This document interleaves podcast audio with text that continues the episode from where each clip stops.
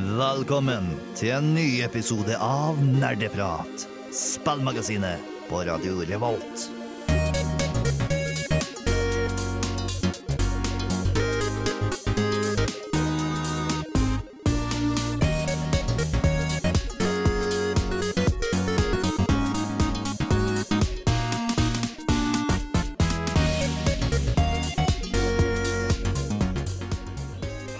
Og velkommen til en ny episode av Nerdeprat.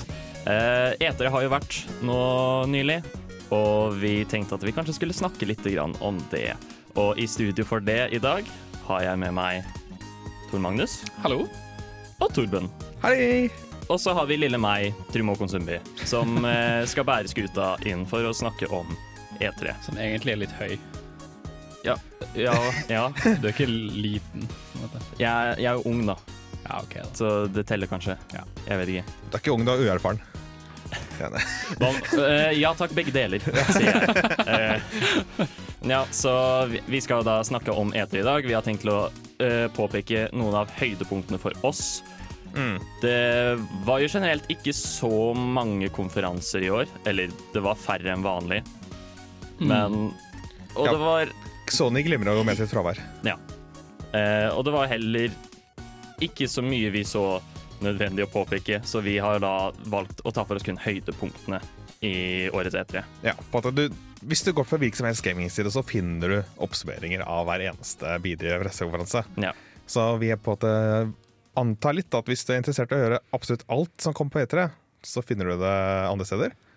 Mens eh, vi, vi gir deg på at høydepunktene. Ja. Så jeg tenker at vi kanskje bare kan hoppe rett inn, men før det så skal vi få en liten låt.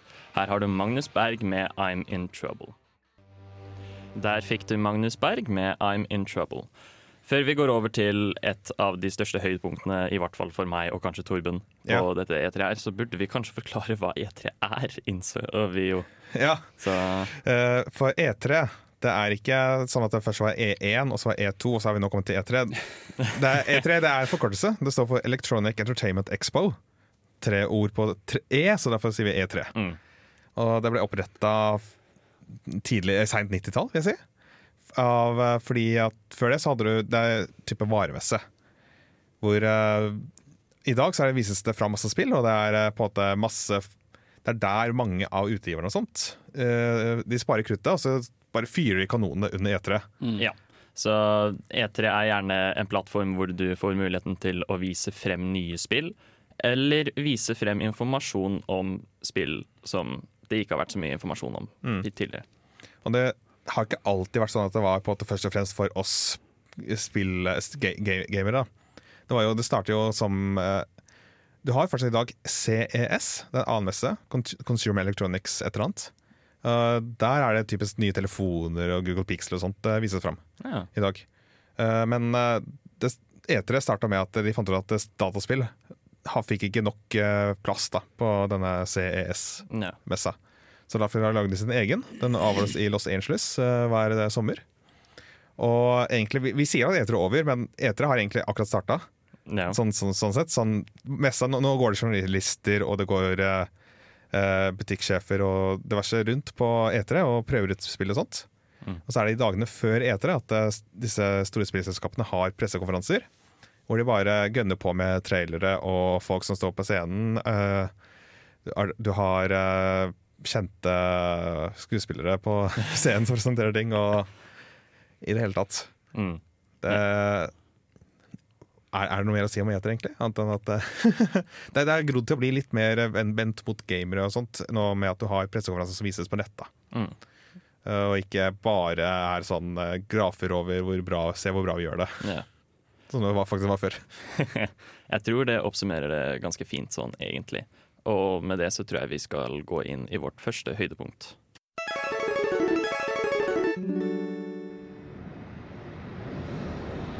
Your attention, please. The Nook Inc. Getaway Package charter flight will soon be arriving at the deserted island. Og det lille klippet dere hørte der, var fra det nyeste Animal Crossing-spillet, kalt New Horizons. Ja! Jeg personlig er veldig, veldig spent på dette, og de viste oss bitte lite grann gameplay hvor det ser ut som at dette spillet her tar sted på en type øde øy. Og de viser en del av det her Nintendo har, det, har gjort det en del år nå, at de har pressekonferansen sin. Eller det er en Nintendo Direct, som Ja. har en video som du trykker på play-knappen, så spiller jeg opp i nett. Mm. Men så etterpå så går de til eh, live-show, hvor de har en scene på, mest, på gulvet på E3. Ja. Og der har de faktisk vist fram eh, mer av Animal Crossing. Da. Viste de frem mer på Treehouse? Ja. Det fikk, det fikk jeg ikke med meg. Nei, da, må- da, må, da må du gå hjem og sjekke ut uh, video etterpå. Ja. De har, uh, det er sånn at de, i New Leaf, altså det forrige eh, Animal Crossing-spillet, så interesserte de jo det her med at du kunne være ordføreren i denne byen, Ja. og på den måten sette litt eh, hva skal vi si, hånd på verket. Ja. At det her skal vi ha en ny uh, fontene, her skal det være sånn blomsterhage eller sånn. For de som ikke vet hva Treehouse er, så var jo det streamen til Nintendo på messen deres. Ja, Ja. riktig. Treehouse følge Live. med på hvor de snakket om Pokémon og mye annet. Blant annet. Lokal, liksom avdelingen hos Nintendo som oversetter spill til å bli uh, her i Europa og USA, de uh, kalles for Treehouse. Så Mm. det er de som sitter der og har live. Så derfor kalles de Treehouse Live. Ikke sant? Men det er uh, Animal Crossing uh, New Horizons tar på en måte og ut, videreutvikler det konseptet med at du, i, med at du kan sette preg på byen din. Ved Ja. at du reiser til en helt nytt sted, som er uh, Eller en uh, forlatt øy, øde Ja. øy, og så bare bygger en by fra et sted fra ingenting. Og du kan, i stedet for at du bare kan dekorere ditt eget hus, så kan du ta, ta med dekorasjonene dine ut. Og uh, dekorere og sette preg på byen uh, for øvrig. Ja, En ting jeg også så som jeg må innrømme at jeg er litt spent på, er at nå har de introdusert crafting i Animal Yep. Crossing, og det blir jo veldig gøy. Når du, du skal samle materialer, kanskje hugge litt uh, trær for å samle ved, du må ja, plukke, ut, eh, plukke opp pinner. Eh, Det var ikke bare for å kunne lage deg. Ja. Så litt, litt sånn Minecraft-type eh, opplegg. Now, now introducing Animal Craft Crossing. Tja. Ja, men Det ser veldig spennende ut. Jeg har ikke spilt Animal Crossing selv, så jeg skjønner ikke helt hypen. Uh, Nei, det det er- Kan dere prøve å forklare meg hva det er som fenger dere med Animal Crossing? Skal jeg prøve? Du kan starte. Eh, Animal Crossing, det som er, er unikt med det, er at eh, det er på et alternativt univers som fortsetter å leve og, og, mens du har slått av spillet. Så når du kommer Ah. tilbake til det, så på at det følger klokka. Så når du kommer tilbake til det etter ei uke, så har det også gått ei uke for innbyggerne i byen, som lurer på hvor har du vært den siste uka. Å nei! Heldigvis har de tona ned det aspektet med de senere titlene, så det er, det er ikke You så weren't there! De, var, de har tidligere vært veldig passiv-aggressive når du har vært borte en stund. Men eh, det er, det er ikke det som er altså, ting er Det er daglige ting. Eh, trærne gror frukter. Kanskje du må gå innom daglig for å hente frukter. Hvis du har lyst Riktig, til det. riktig. Oppfordre til å spille jevnlig og følge med på hva som skjer. Og, Ja. Og jeg, du, du føler deg rett og slett investert da, for i byen, fordi du, du lever deg inn i at dette er en levende by på, i, inni spillemaskinen din. Ja. Med, med venner som du får, og de, det er litt sånn, sånn hyggespill. Det er Ja. litt sånn samme sjanger som med bondegårdsspill, som vi hadde en spesial om Mm. tidligere. Ja. Hvor vi også snakker litt om Animal Crossing, tror jeg. Det, det oppsummerer egentlig veldig mye av tankene mine rundt Animal Crossing også. Det er bare, jeg spiller jo mest fordi jeg syns det er helt utrolig avslappende. Ja. Og det er veldig, veldig fint sånn hvor man bare kan koble av hjernen og Mm. bare gjøre din greie. Det er, kose, det er, det er kosespill. Det er ikke noe sånn meta, og du må følge og gjøre ting på riktig måte. Du kan bare yeah. Du, du, du har et lån, som de også tisa i den nye traileren. ja. ja, stemmer Men det.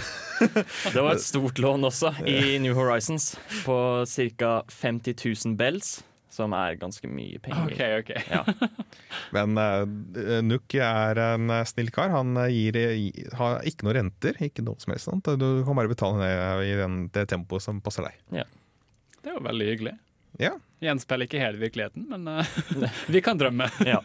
Så, så vidt jeg har skjønt, da, så går Animal Crossing New Horizons ut på det å på en måte Kall det nesten å starte opp en ny sivilisasjon på den øde øyen. Ja. Hvor du, du ser det blomster fra ingenting til en stor og flott by. Og du får muligheten til å spille det den 20. mars 2020. Mm. Så det tenker jeg blir veldig spennende. Mange som syns det er litt lang tid å vente, men eh, jeg, jeg, jeg, jeg, jeg tåler å vente. Ja, de sa jo at de måtte utsette det fordi de ville gjøre det så bra som mulig. Mm, Og det er jo bare bra, tenker jeg. absolutt. Eh, vi skal straks snakke videre om E3, eh, men før det så skal du få Fat Fungus med God Knows. such a, such a big stage makes me nervous. I'll do my best to speak in English.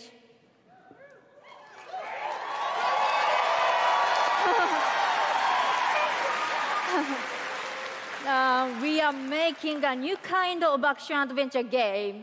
It's spooky. It's spooky.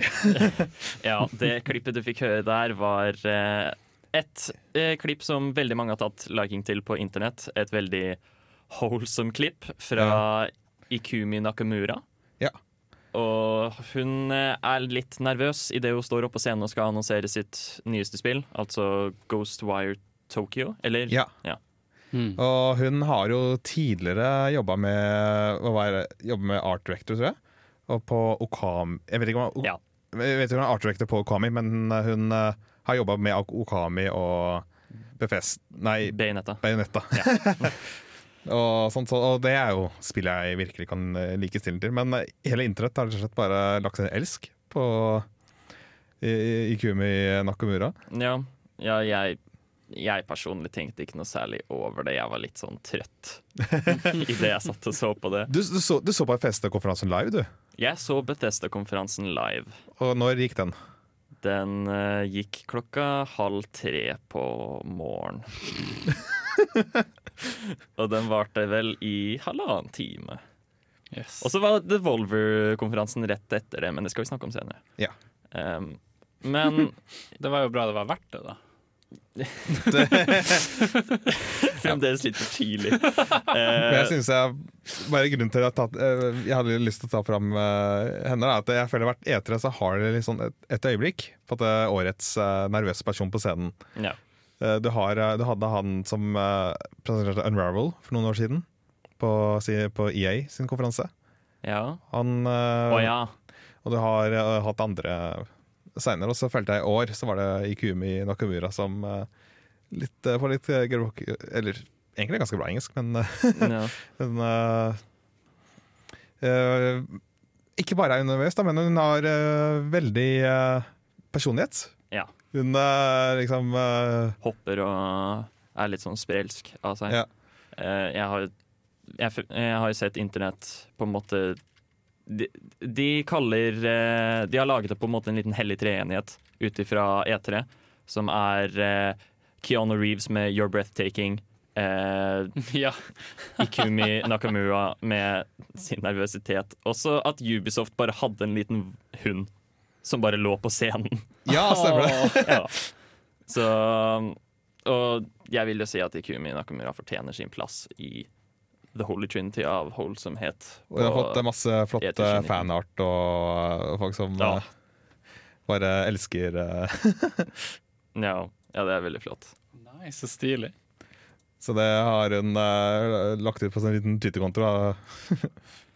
Ja.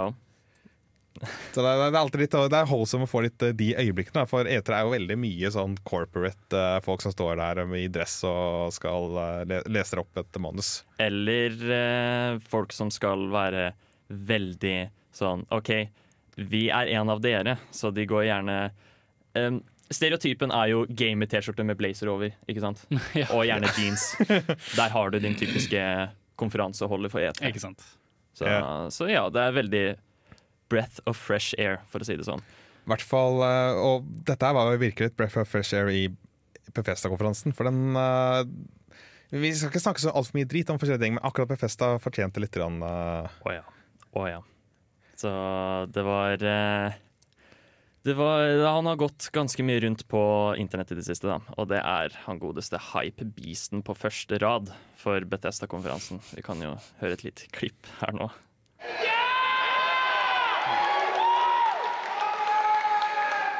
And we'll see you in hell.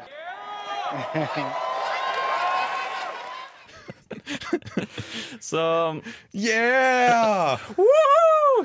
det var um, Gjennom hele konferansen så satt altså denne fyren her og brølte etter hver eneste linje.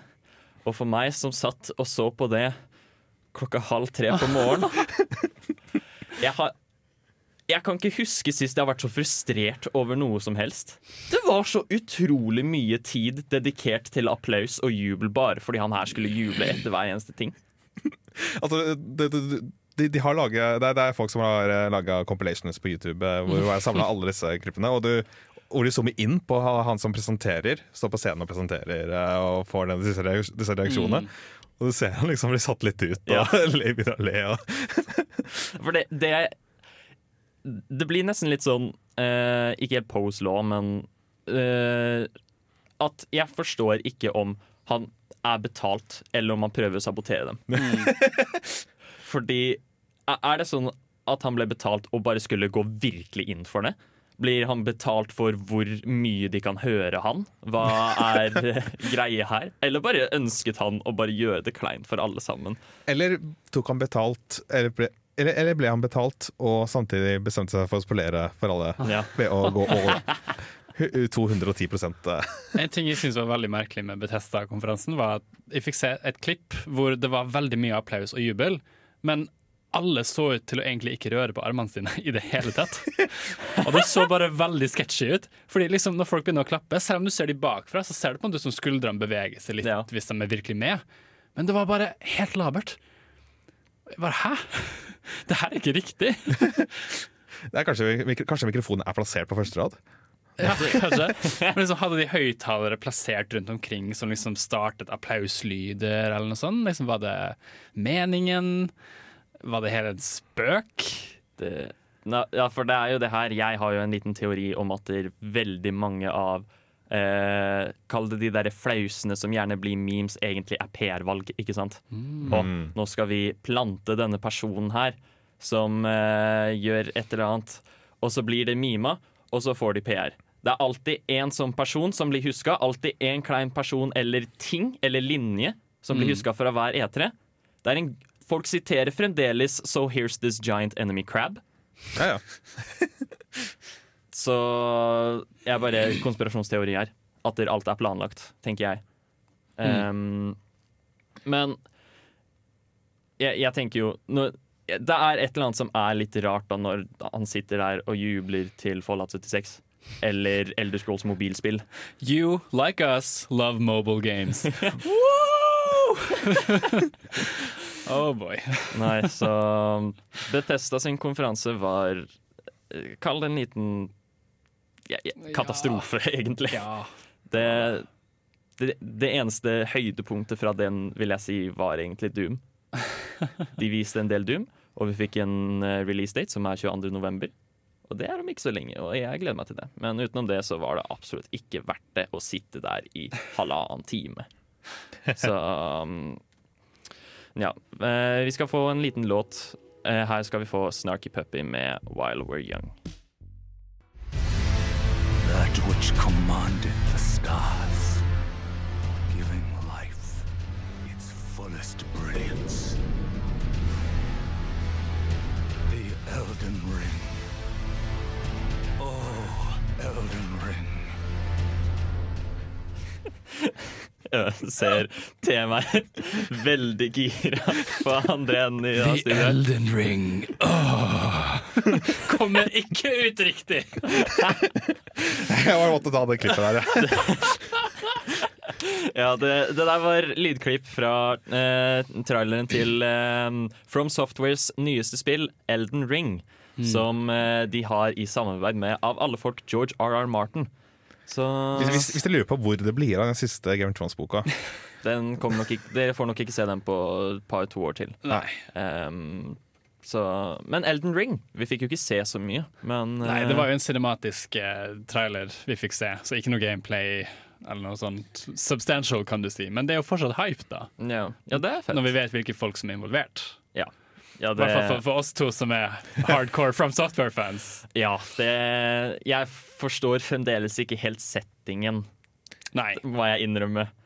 Men uh, utenom det, så For det, var, det er en open world, slik jeg så det. det kan godt hende. Har de fortalt noe som helst om hvordan spillet er? Jeg tror det. Jeg så Vati, en kjent YouTuber som er inne på eh, alle Soul-spill omtrent og forklarer de. Eh, hadde en video på YouTube på rundt ti minutter hvor han gikk i detalj på traileren og snakket litt om den og det som vi visste om den.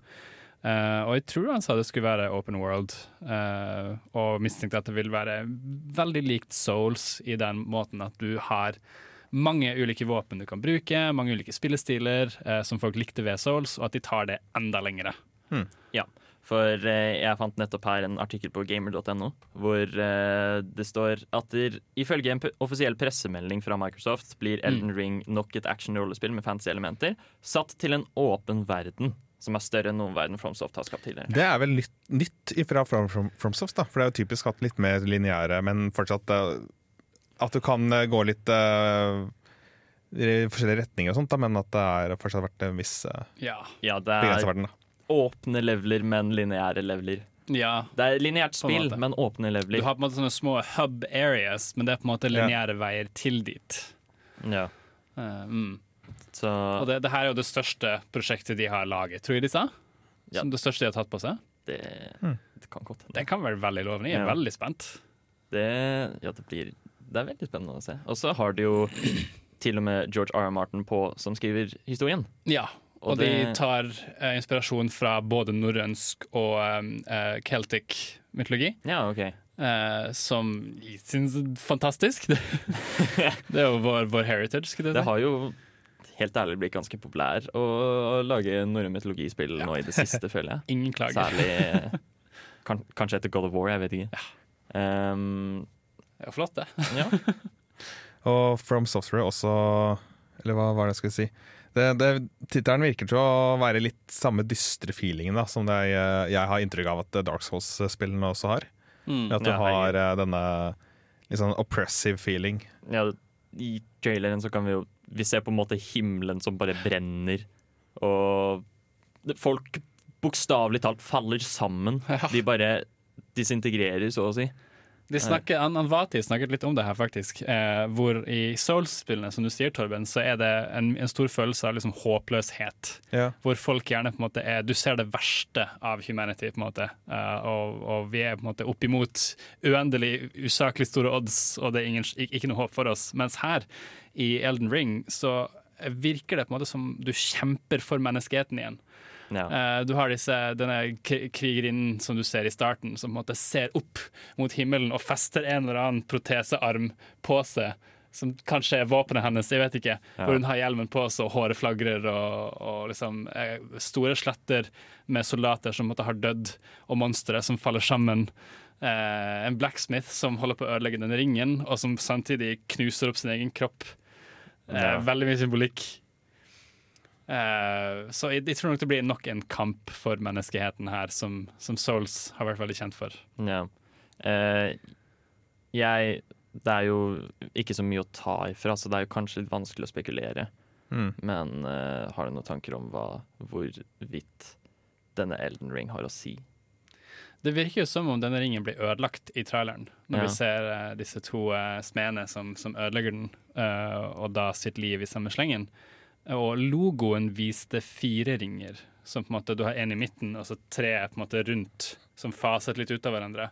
Ja. Så kanskje vi får typ flere ringer, som i Lord of the Rings, eh, som har forskjellige krefter eller meninger og virkninger i plottet. Også One Ring to Rule Them All, altså rule them all. Elden Ring, da. Kanskje. Eh, men det kan også hende at Elden Ring er et spill på eld, som da betyr ild fra vårt språk. sant? Så kanskje det er liksom et eller annet Oh. spill på flammering, siden vi ser mye flammer i traileren. Himmelen er rød, og de snakker om eh, hvordan ting brenner på et eller annet punkt i traileren. Eh, så jeg mistenker at det kan kanskje ha mer med det å gjøre, siden vi har disse mytologiene eh, in play. Nå ble jo dette annonsert på Xbox sin eh, E3-konferanse. Mm. Vet vi noe om hvilke plattformer eh, vi kan forvente oss se det på? Jeg vil tippe vi får se de på alle sammen. Ja. Eh, Microsoft har jo helt ærlig ikke så veldig mange eksklu eksklusive spill. Så Og eh, nesten alle Xbox-spillene kommer jo også ut på PC. Så i de siste åra så har alltid Xbox vært på en måte en plattform hvor alle kan få lov til å vise frem spillene sine. Mm. Og du bare, hvor de viser frem det her er et par av spillene du kan få på vår konsoll, men du kan også få de på andre. Men du kan få det Ja. på vår konsoll. Ja. Og det er jo også, altså From Software er jo også kjent for å ha spill på PlayStation, så det Ja. blir veldig rart hvis de plutselig ikke gjør det lenger. Ja, de, de har jo tidligere hatt en PlayStation Exclusive, Ikke sant? så jeg vil jo tippe at de ikke hadde Ja. Og nå, og nå ser vi jo på en måte spill som The Witcher på Switch. Ja. På en måte. Så jeg tror det kommer på alle Det tre store her. På en måte. Det er veldig flott å se. Ja. Så vi skal straks snakke mer om eh, noe annet som Som Xbox viste fram, ja. Og, Men før det så skal vi få en liten låt. Her får du Put Your Hands Up for Neo Tokyo med Looking for You.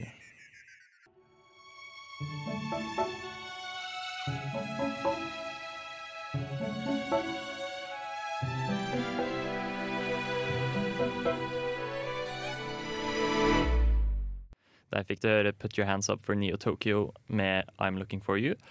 I tillegg til oh, eh, musikken fra spillet Way to the Woods av Ivy og Surashi. Og dette var et spill som du likte veldig godt, Torben, så vidt jeg skjønte. Ja, dette ble vist fram på Xbox-konferansen som et eh, indiespill. Mm. Og er eh, Dere fikk se der, var uh, egentlig noe som minnet en del om Journey, i hvordan det, du spiller det. I den forstand at du spiller som et uh, OK, jeg kan ikke dyna. Eh, En elg, er den gjort?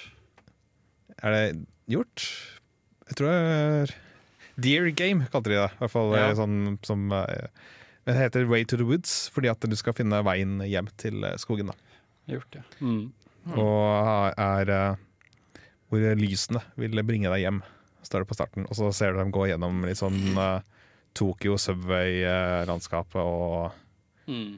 uh, litt sånn urbane omgivelser. Ja. ja det, Og det, var egentlig bare et veldig stilfullt spill. Sånn eh, ikke, så, ikke, ikke sånn realistisk, men mer sånn eh, abstrakt. eh, eller litt, litt mer sånn tegnestil, kanskje. ja, jeg ser jo på artstylen her at det, det ser jo veldig fint ut. Men, ja. Jeg si at Det som kanskje slo meg mest med den traileren, var musikken. Som Ja. vi nettopp uh, hørte der. Mm. For, uh, for det første, det minner meg usykt mye om Breath of the Wild. Ja. Zelda. I hvert fall starten her høres jo ganske rik ut som den uh, eh, en av byene i eh, Rito, kanskje. Rito Village. Ja, Ja. Begynner litt om den. Ja, kan man Eh, se. men eh, også det, det, det, det, står, det står så ut, da. For alle de andre treerne som er på et bombastisk eh, toner du har hørt tusen ganger før. på at det, ja. du, jeg, du kan ikke spille musikk fra en av E3-treerne og så forvente at jeg skal huske hvilket spill det er. For det, Det er sant. it's all the same. Mm. Det er bare vum, Og så er det trommer, og så er det et eller annet uh, intetsigende. Et eller annet orchestrated uh, Ja, men, men, mens, Storspill. mens her så fikk du faktisk et, en nydelig melodi som jeg lytta på flere ganger i etterkant. ja. ja, det var veldig bra. Det var veldig fint. Uh, det er Jeg tenker jo Med tanke på at det her er en ting som skjer hvert eneste år, og alle vil gripe sjansen, så er det jo greit å faktisk skille seg ut på et vis. Ja, Og jeg er jo enig i at Way to the Woods skilte seg virkelig ut i hvordan de gjorde det. jeg syns det er fint at Xbox-konferansen hadde plass til sånne typer spill. Da. Ja, de, de hadde showcase av veldig mange fine indiespill, så jeg. Mm. Uh, nå, nå er det for så vidt en av de større, da, men sånn som Ori and The Will of the Wisp viste de jo frem igjen. Det, ja, det, det var jo også en fantastisk eh, Altså, det, det er jo spill som også jeg kjenner veldig godt for musikken. Ja. um, det, så vidt jeg så her, så var det ikke noe spesifikk release date for Way to the Woods ennå. Eh, annet enn at de kommer ut i 2020. Altså For real this time, tror jeg det står. Eller noe sånt. Har, har, det blitt, har det blitt annonsert tidligere? Det har blitt vist fram, visstnok. Jeg søkte opp, så fant jeg en gammel eh, trailer fra 2018. Ja. Men eh, det er eh, Det kom et lite stykke siden da. Så ja, OK. Man må jo alltid planlegge litt mer når det er indiespill. Det er jo- Man sier jo det at du må Ja. legge på, på en måte, tre år på det du egentlig tror du kommer til å trenge. altså de siste 10 prosentene tar liksom 90 av tida. Ja. Så det er litt der. eh. Ja. Så Men eh, det, det er da at eh, et type spill som jeg faktisk kunne tenkt meg å spille, og er et av få spillene som ikke er basert på vold, kan du si. Mm. For det er jo veldig mange av sånn, Jeg tror jeg leste en tråd på Twitter som analyserte litt hvor mange som som var basert på sånn typisk uh, slåssing eller voldmekanismer. Det lå på sånn 70-80% Ja, og det er veldig likt Journey, som du sier. Som Ja. også er et fantastisk spill som ikke har noe vold i seg, egentlig. Mm. Eneste volden her var, gikk utover en uh, sånn uh, eh, Ikke colaautomat, men sånn uh, automat for dispenser, da. For, Ja, å, for å få Det- ut en eh, drikk til eh, Ja. du virker som du spiller som en mor, hjortemor, Mm. som har med seg unge. Så da, Ja, og så ja, stanget hvis jeg den på en måte Ja, dispenseren, ja. Ja. Og blant annet vinduet skal opp igjennom og, og litt sånn. Ja, Mm. Mm. Ja. det, det ser ut som et kos, eh, koselig spill. Ja, jeg tenker det er alltid er veldig fint med en sånn opplevelse av og til, hvor eh, man gjerne kan bare sette seg litt tilbake og faktisk leve seg inn i noe sånt som dette, istedenfor, som du sa, at det bare skal være vold og slåssing hele tiden. Det er et spill som kritikerne faktisk kan like. Ja. på en måte. Um, men du skal i hvert fall få muligheten til å spille Way to the Woods på Xbox One eller på PC en eller annen gang i 2020. Hmm. Så Look forward to it. ja, det blir spennende.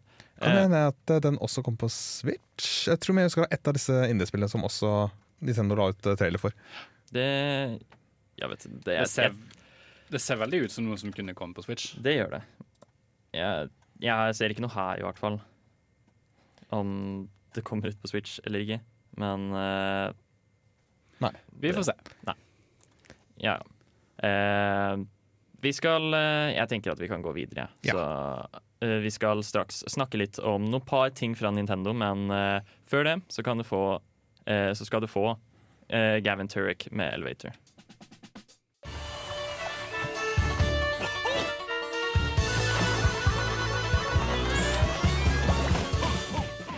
Desidert den største tingen for mange er nok det at Banjo Kazooie endelig er med i Smash Brothers. Ja, Det, det har vært en lang reise mot det, på en måte.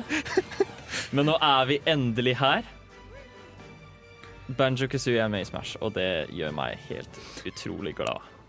Jeg, jeg bare ler når jeg hører den lyden han lager. Gå! Ja, for eh, Det var mange som kanskje anså det som litt sånn usannsynlig, fordi at uh, Banjo Kazooie er jo noe som nå tilhører Microsoft. Mm -hmm.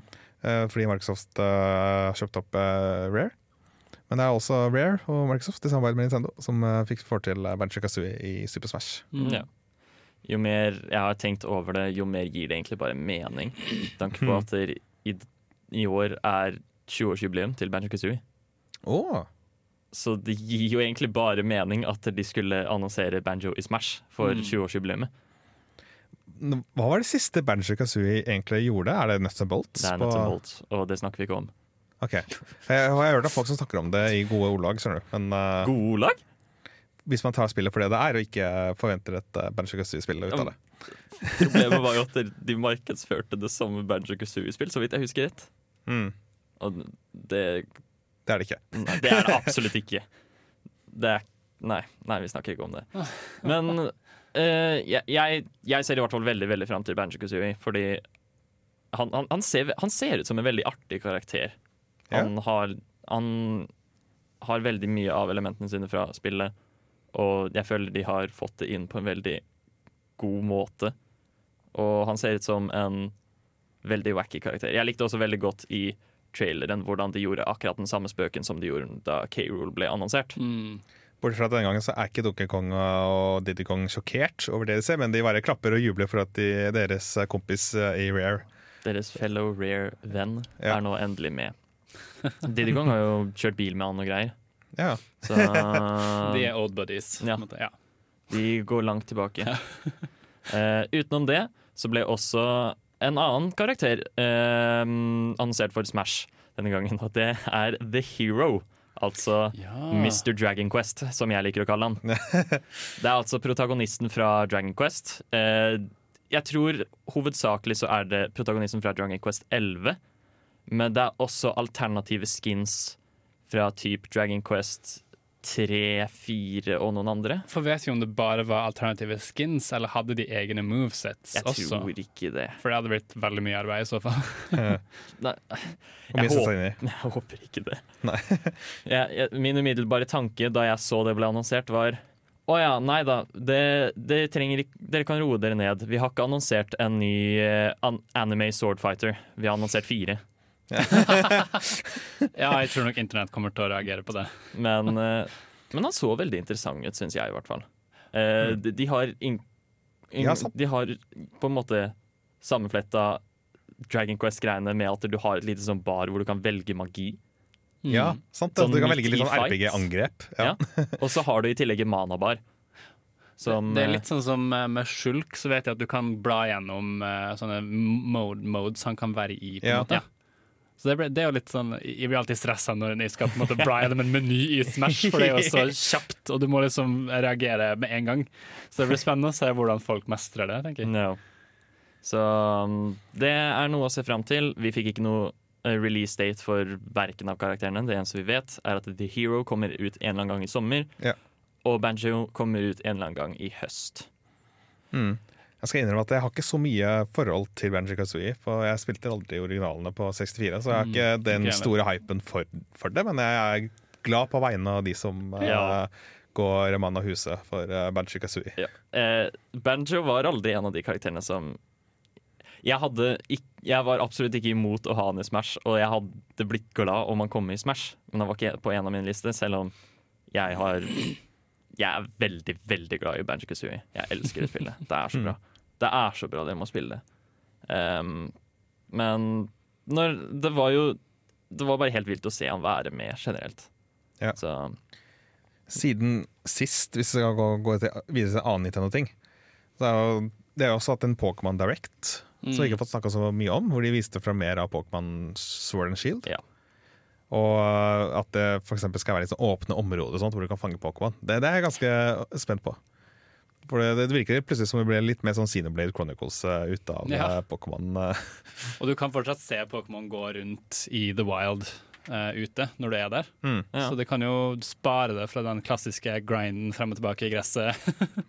Men det er fortsatt tilgjengelig for deg. For du kan gå inn i sånn utropstegn, og da får du en random uh, ah. kamp. Det, det jeg likte, er jo at det, når du har denne svære wild uh, areaen som nesten blir litt sånn open world Cineblade-opplegg, som du sa, så har det faktisk også et par veldig high level Pokémon. Som for eksempel på den Treehouse-livestreamen. så så du jo at eh, en person kom i et encounter med en Machoke. Eh, som var typ level 26, mens han bare var i level 12. Ja. Oi. Og den, den du lille scorebunnen ble grusa, banka opp, for å si det mildt. Fordi De snakket jo om hvordan du hadde disse store eh, encounters hvor du kunne spille med flere. Ja, det er og parade bekjempe battles. ja, de store kaiju-kampene.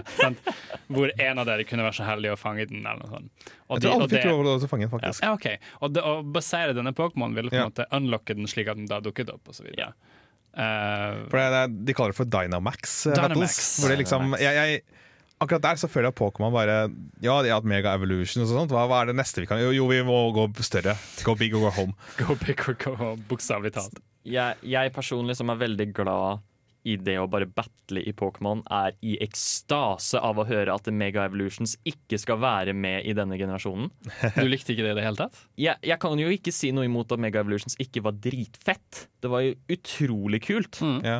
men det ødela hele metaen. Ja, ja, ja, Fordi om du ikke har med deg en av disse Mega Evolution-pokémonene, så er det umiddelbart eh, Så har umiddelbart motstanderen overtak over det. Ikke sant? Så det, Mens Dynamax er mer sånn forvandling, at hver Pokémon kan på en måte bli sånn diger eh, versjonen av seg selv. Og så er alle angrep er på en måte nye type angrep. da. I tillegg så En ting jeg satte veldig pris på, er at Dynamaxing er ikke item-begrenset.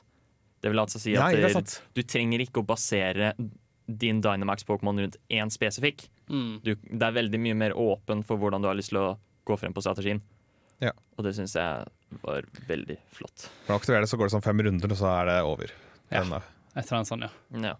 Uh, Men vi har også, kommet også litt sånn rar, trist nyhet, kanskje. Fra, Som vi annonserte Som jeg passer på å ikke annonsere på selve Nintendo Directen, men det kommer liksom sånn fotnote på slutten. Av, ja, eh, veldig sånn innunder teppet, på en måte. tekst med liten skrift.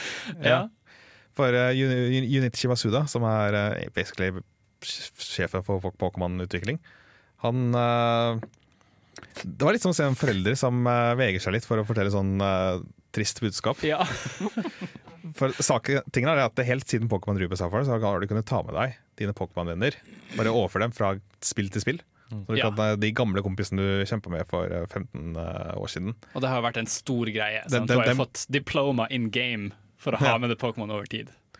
Men uh, i den nyeste iterasjonen av Pokémon så har de rett og slett funnet ut av at uh, vet du vi, vi har ikke ressurser til å skulle lage og animere Altså, de, de har jo, Det er mye bedre animasjoner på Pokémonene i Pokémon Sword and Shield. Det ser mer livlig ut og sånt. Men det betyr også at de må bruke mye mer ressurser på å lage det her. Og Derfor kommer vi fram til at, du får ikk- at de, det er kun et begrenset antall Pokémon som kan i det hele tatt eksistere i Pokémon Sword and Shield. Mm. Så det, hvis, hvis den Pokémon du har helt fra Ruby Sapphire ikke er en av de Pokémon som de har laga om i, eh, til Pokémon Sword and Shield, så får ikke du overført den til spillet.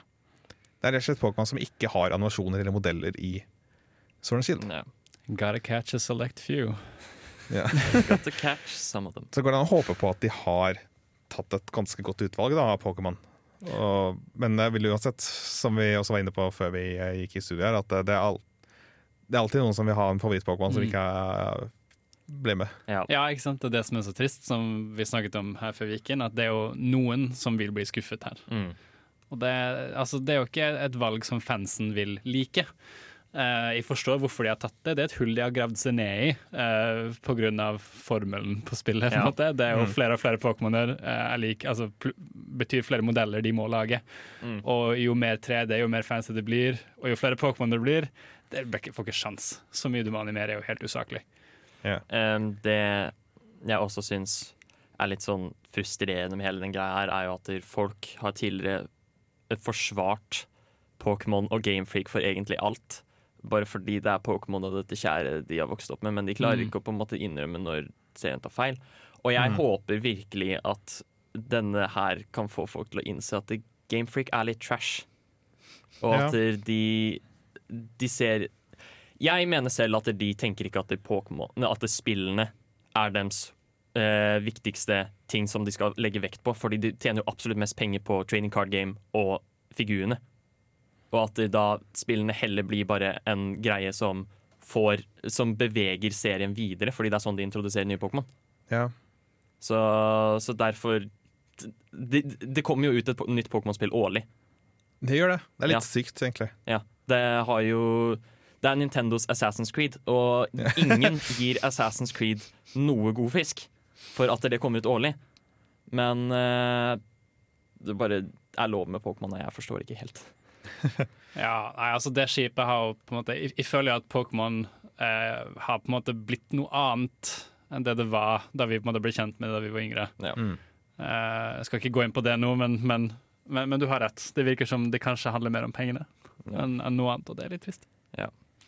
Um, eh, som en siste ting som jeg i hvert fall vil påpeke i forhold til eh, småting fra Nintendo. Ja. Eh, den beste boyen av dem alle, altså Guigi. Ja. Fra Luigi's Mansion 3 Luigi's Mansion 3. så får du en Luigi-kopi.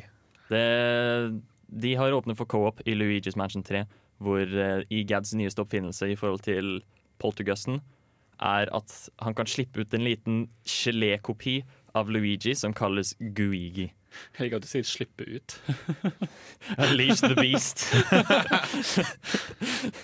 Og den er da helt, eh, blir ikke påvirka av eh, spikes og kan gå gjennom eh, Egentlig litt, litt sånn som squidden i Splatoon. Ja. Kan da gå Mm. gjennom uh, Ja. Han kan liksom bevege seg gjennom- gjennom gitter ja. og sånne ting. og akkurat som Squidden i Splatoon, så liker han ikke vann. Nei. Ja, Så, um, men jeg bare For alle dere som ikke har sett den, så oppfordrer jeg dere å søke opp eh, Guigi, som er absolutt nydelig. Um, vi skal straks gå over til uh, kanskje det største høydepunktet for uh, godeste tema her. Eh, men før det så skal vi få svømmebasseng med aske. Please welcome Keanu Reeves. the feeling of, of being there, of walking the streets of the future, is really going to be breathtaking. You're breathtaking. You're breathtaking. You're all breathtaking. Det første og originale medlemmet av den hellige treenigheten av Wholesomeness, Keanu Reeves, eh, hørte du der. Og grunnen til det er fordi han skal være med i det nyeste Cyberpunk 2077. Han skal kanalisere sin indre Neo Ja. i cyberpunk-verden, som er det beste stedet han kan være. I mean, let's be real. Ja, altså, hvis du skulle hatt en skuespiller, så er jo Keanu Reeves for Cyberpunk 2077 et eksepsjonelt valg. yeah. Så Men nei, hva, hva tenker dere om uh, Cyberpunk 2077-traileren vi så?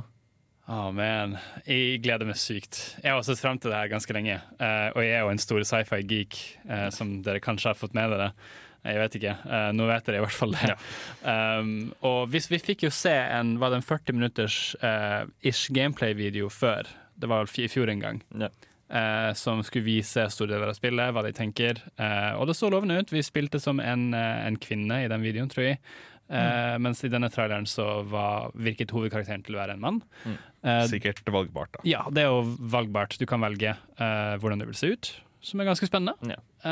Det så veldig kult ut. Du har jo denne verden hvor det å, å ha implantater i det har blitt en greie. Det er nesten en, en commodity. Sant? Alle vil få tak i nye chips og oppgraderinger til å liksom oppgradere det sjøl på, få bedre syn, alt mulig rart. Eh, og jeg er veldig spent på å se liksom, hva, hva vi skal gjøre i denne verden, sammen med Keanu Reeves. Ja. Bare det konseptet minner meg veldig om Bioshock. Hvordan uh, alle ønsker å få den nyeste plasmiden. The plasmids er på en måte sånne Kall det superkrefter, da. Så du kan skyte lyn ut av hendene og sånt. Eh, og der òg ble jo det en helt enorm greie, og det var jo også det som fikk Rapture til å falle sammen. Så vi får se hvordan det går i Cyberpunk 2077, si. For det, det er vel hovedsakelig universet som frister her, er det ikke? Eller? Altså Fra det vi vet så langt. på en måte Ja. Uh, og, Men jeg har jo store forventninger og, og mye tiltro til CD Projekt Red. Uh, de har jo laget Witcher, som er noe jeg elsker. Uh, og jeg gleder meg til å se det, det her kan bli like bra, med tanke på hvor mye tid de har brukt på det. Sant? De er jo kjent for å bruke lang sant. tid på spillene sine, men det er derfor de har blitt så bra. Fordi de er så store og har så mye rart i seg. Eh, nå har vi jo fått den svære gameplay-videoen før. Ja. eh, så det gir kanskje mening at vi kun fikk en cinematic trailer denne gangen. Hva, hva, hva var det vi ble, ble vist i denne gangen, da? Hvis dere skal oppsummere? Eh, det var vel en sånn kort trailer hvor vi så uh, our main character, som skulle da gå inn og på en måte få uh, belønning for et item han hadde funnet, som denne bad guyen eller thug-leaderen ville ha. Ja, for du, du, er, du er- litt på, på den håper jeg, dårlige siden av loven. Du er litt sånn outlaw, sånn Ja. på, på the underbelly of the city. Uh, og så blir du bedt om å gå inn på badet og vaske det fordi du er full av blod. Uh, men unbeknownst to the hero så står de da og gjør klar våpnene sine og begynner å skal prøve å drepe det.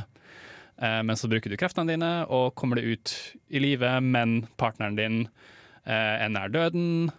Eh, og så plutselig så skjer det ting, du blacker ut, og når du våkner så ser du Keanu Reeves i da sin cyberpunk-stil gå ned på kne og si et eller annet sånn Hey, are you okay?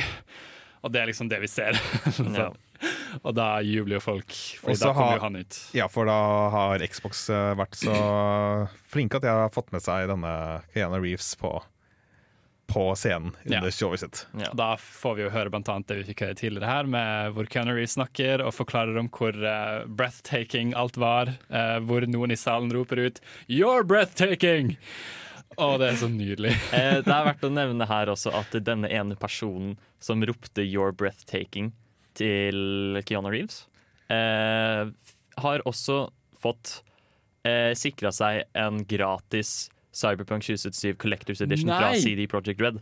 Ja. Fordi han sa 'You're breathtaking' Han ropte det ut høyt, og CD Projekt likte det så godt at nå har de lovt han at han skal få en Collectors Edition. Å, med så Cyberpunk 2077. koselig! Ja. Og, altså, kan, må jeg forklare hvorfor jeg elsker CD Projekt Red? det her er jo kjempegøy. Men jeg, jeg tenker jo han bare Han sa bare det alle tenkte. ja, ja, ja. Så Du så jo hvor glad Keanu ble når han sto der. No, yeah. you're breathtaking! Han, han eide jo virkelig salen og scenen der. Keanu Reeves stjal showet så uten Ja. han er jo kjent for å være en veldig godt likt skuespiller over tidene. ja han er som også aldri blir eldre. Altså, man, man, kan, man kan se det på intervjuer at han er verdens snilleste person. Det Mm. finnes ikke et eneste vondt ben i han Nei. på noe som helst måte. Um, og det var da veldig Og jeg vil jo da si at selv for Microsoft-konferansen, som jeg personlig anser det som den beste uh, som var, uh, han stjal showet. Mm. Det var veldig høyt nivå hele veien gjennom, men han stjal showet for meg. Definitivt. Så det, Men jeg er veldig spent på å se hvordan eh, det blir med Cyberpunk. Oh, yeah. eh, og du kan forvente å se det ehm, Jeg tror det var April. 16. april det Neste kom år, ut. ja. 2020. Riktig. Hva, hva tenker du om det? At det kommer ut da? Eh, jeg vil ha tid, da.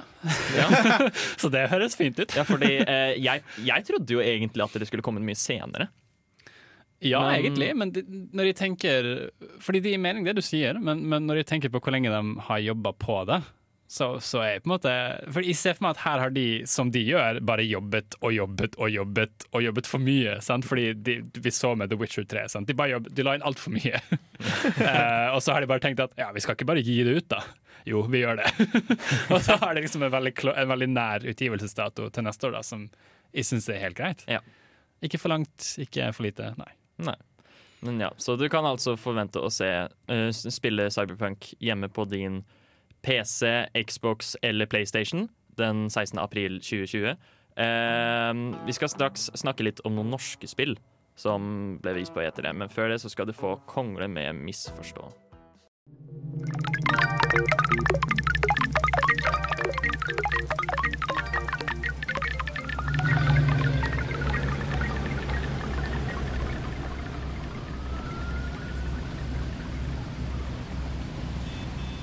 Det er eh, ganske regntung eh, trailer vi fikk eh, høre utdraget av her. Ja, ganske Mosaikk er et uh, spill som har vært under utviklingsstund av Creelbite. ja. Og de har jo faktisk fått vise fram spillet sitt på E3. ja. Jeg tenkte vi jeg, jeg, jeg vet ikke om det er så mye om det, om det er spillet jeg kommer til å spille. Det er jo interessant, for så vidt. Men jeg tenkte vi kan jo ta det fram, da, siden det er et norsk spill. Eh, før noe annet så tenker jeg at det bare er verdt å nevne at temaet har forlatt studio. Ja, Eh, riktig. fordi eh, han skal gå og jobbe på GameStop, så hans nye Er det jobb? Ja, jobb eh, Så- sommerjobb, Fikk jeg inntrykk av det var. Ja, OK. Ja, vi får si, ønske han lykke til. Ja, så hvis Så- vi plager TM, så går det på GameStop eh, på, eh, i Trondheim. Eh, en annen siste ting som jeg også bare vil nevne veldig kjapt, er at det godeste fyren som ropte 'You're breathtaking', for, eh, svarte eh, CD Project Red med å bare si at dere, dere kan heller donere det til eh, Hva var det han sa? Eh, barnesykehus. Så Mm. det var bare en veldig hyggelig liten ting. Ja, han trengte ikke det spillet selv, liksom. Ja, så for å sitere TM, 'Faith in humanity restored'. um, men ja, mosaikk. Eh, til, tilbake til ikke ha faith in humanity. Ja. si. Eh, det er jo sånn litt sånn dystert, eh, skal vi si, dystopiske spill. Ja. Som handler mer om sånn monoton hverdag, liksom, hvor du Jeg har ikke helt inntrykk av hva de gjør i spillet, men det, det de eh, viste fram på E3, det er at eh, du har eh, det, et, et eh, mobilspill som blir promotert inne i Mosaikk. ja. Som, som et hjernedødt spill. Eh, og det spillet kan du faktisk spille selv. Fordi det, har de, det lanserte de på AppStore og på Play, Google Play Store og på, på, eh, for et par dager siden. Så du kan uh, selv ta Det er sånn cookie clicker-spill-aktig greie. ja. Som du, kan, oh, ja. som, som du hørte litt uh, muntre uh, lyder av fra starten av utdraget vårt. Ok, så jeg, jeg fant nettopp beskrivelsen på Steam her, um, Ja. som er at du, du lever et veldig alminnelig liv i en kald by uten noen ordentlig sans for mening i livet, inntil en dag hvor det skjer masse rare ting, og alt forandrer seg. At det er veldig mørk og atmosfærisk eventyrspill. Så det, det, bare ut ifra beskrivelsene og hele det konseptet, jeg får veldig 1984-vibes. Ja, det er kanskje Og det var da på Mosaikk. Ja. Og så har du eh, det mobilspillet som vi snakka om. Det heter BlippLopp. Blipp-blopp. Med blipp-blopp installert, nå leser jeg fra beskrivelsen på Google Play Store eh, kommer du aldri til å ha et kjedelig øyeblikk i livet ditt. Blipp-blopp er en revolusjonerende ny spillopplevelse. Blipp Blopp gir deg endeløse timer med underholdning. Det er enkelt og tilgjengelig, kan spilles av alle og er helt gratis. Dette er det neste steget for spillere som liker klikkespill. Det er faktisk veldig gøy. Trykk blipp for å få en blopp. Jo raskere du blipper, jo dess flere blopper får du. Så det, det, det er markedsføring jeg kan Ja, det, det er veldig god markedsføring. Det er veldig interessant. Det er konseptet jeg liker veldig godt. Så jeg vet ikke helt om det sto når vi kunne se mosaikk. Eh, Eh, mosaikk, nei. Det kommer OK, det står at det skal komme til 2019, men det har ikke blitt gitt en dato ennå. Nei, så, og det kommer, skal det komme til PC, PlayStation 4 Xbox One. Ja. De eh, fikk vise seg fram både på YouTube Gaming sin kanal, fordi eh, det har en del strømmer en del. Ja. Men det var også en del av eh, tidlig på et PC Gaming Show. Ja. Så fikk de vise fram sin trailer, Mm. som er ganske kult. Og på PC Gaming Show så fikk vi også høre en eh, se Funcom. Funcom er jo egentlig den største spillskaperen vi har i Norge. Ja. Eh, Holdt på en god stund. Uh, og, men er også en utgiver og har kontor i andre land, da, så det er jo ikke jeg skal høre, er, er nok ikke norskutvikla. Men uh, det viser seg at eh, Ja, vi kan egentlig bare spille litt uh, lydklipp. Det kan vi. So on April 1st this year, we put out a little trailer for something called Conan Chop Chop. And uh, considering the date, it was perhaps no surprise that people decided that that was an April Fool's joke. So uh, yeah, we have a little surprise for you. Check this out. Det viser seg at Conan Chop Chop er et ekte spill som du kan uh, få i eh, kjøpet til PC, PlayStation 4, Xbox One eller Nintendo Switch den 3. september. Ja. Eh, Det er eh, nav navnet som skrives til. Altså det, det, er, det er kanskje ikke helt seriøst, da, men de, de hadde sammen en aprilspøk hvor de viste fram Conan Shop Shop. ja. Og så var det ikke aprilspøk. og det er på en måte litt sånn Zelda-aktig, litt sånn eh, dungeon crawling, eh, litt sånn uh, rogelike. Og så er det på en måte veldig sånn chibi-Conan, eh, nærmest. Ja. Så jeg vet ikke om man har sett Conan the Barbarian i en slik setting før. I en slik stil, så det er jo kanskje lett å anta at det er en aprilsnarspøk, men uh, Nei, det Jeg er spent på å se hvordan det her blir. Jeg er veldig glad i typ sånne dungeon crawlers. Mm. Sånn som Ut ifra bare bildene jeg så, så så det veldig artig ut. Det ser litt ut som en top down dungeon crawler pluss en beat em up slash hack and slash. Ja, det er mye å slå. Ja, så um, Og jeg vet ikke, det er bare artig å tenke på. Så vi fikk uh, Funcom fikk vise seg fram eh, en del på PC Gaming Show, og var Ja. også en av hovedsponsorene på showet. Ja. Så det syns jeg er ganske kult, da. Ja, så vi, jeg tenker at vi kan gå videre til uh, uh, neste, hvor Ja. vi skal ta for oss eh, kanskje høydepunktet for min del av hele greia, som det har vært de to siste årene, nemlig Devolver Digitals etter pressekonferanse. Kan hende du får noe banneord. Ja. Men, men før det så skal du få Tama Impala med Patience. Let's get real. Really real. Press conferences are a thing of the past. Most companies aren't even doing them anymore. They're old, outdated, irrelevant for the hacking birds. Well, you can't mean Uh, That's right, Cred Muffins. Devolver. Motherfucking direct! Der fikk du høre klippet fra uh, Devolver Digitals E3-konferanse 2019. Og ja, jeg vet ikke hvordan jeg skal beskrive det. Devolver Digital Direct. Ja. Devolver, og i år så gjorde de Devolver Digital Direct. Um, for å si det på denne måten, da. Devolver Digital hadde sin første E3-konferanse i 2017. Ja. Hvor, og hele dems greie er at de har et 20 minutter langt humorshow med spill-reveals av og til. Ja. Og humoren deres går på at de parodierer eh, pressekonferanser.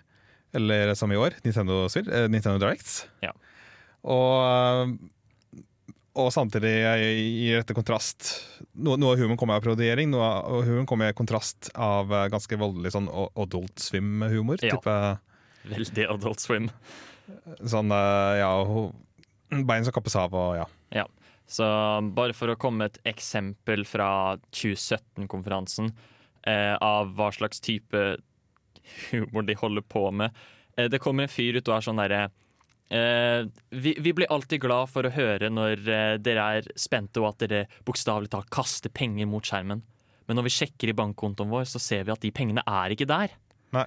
Så har de laget en maskin som gjør at du faktisk kan throw money at the screen og betale. Så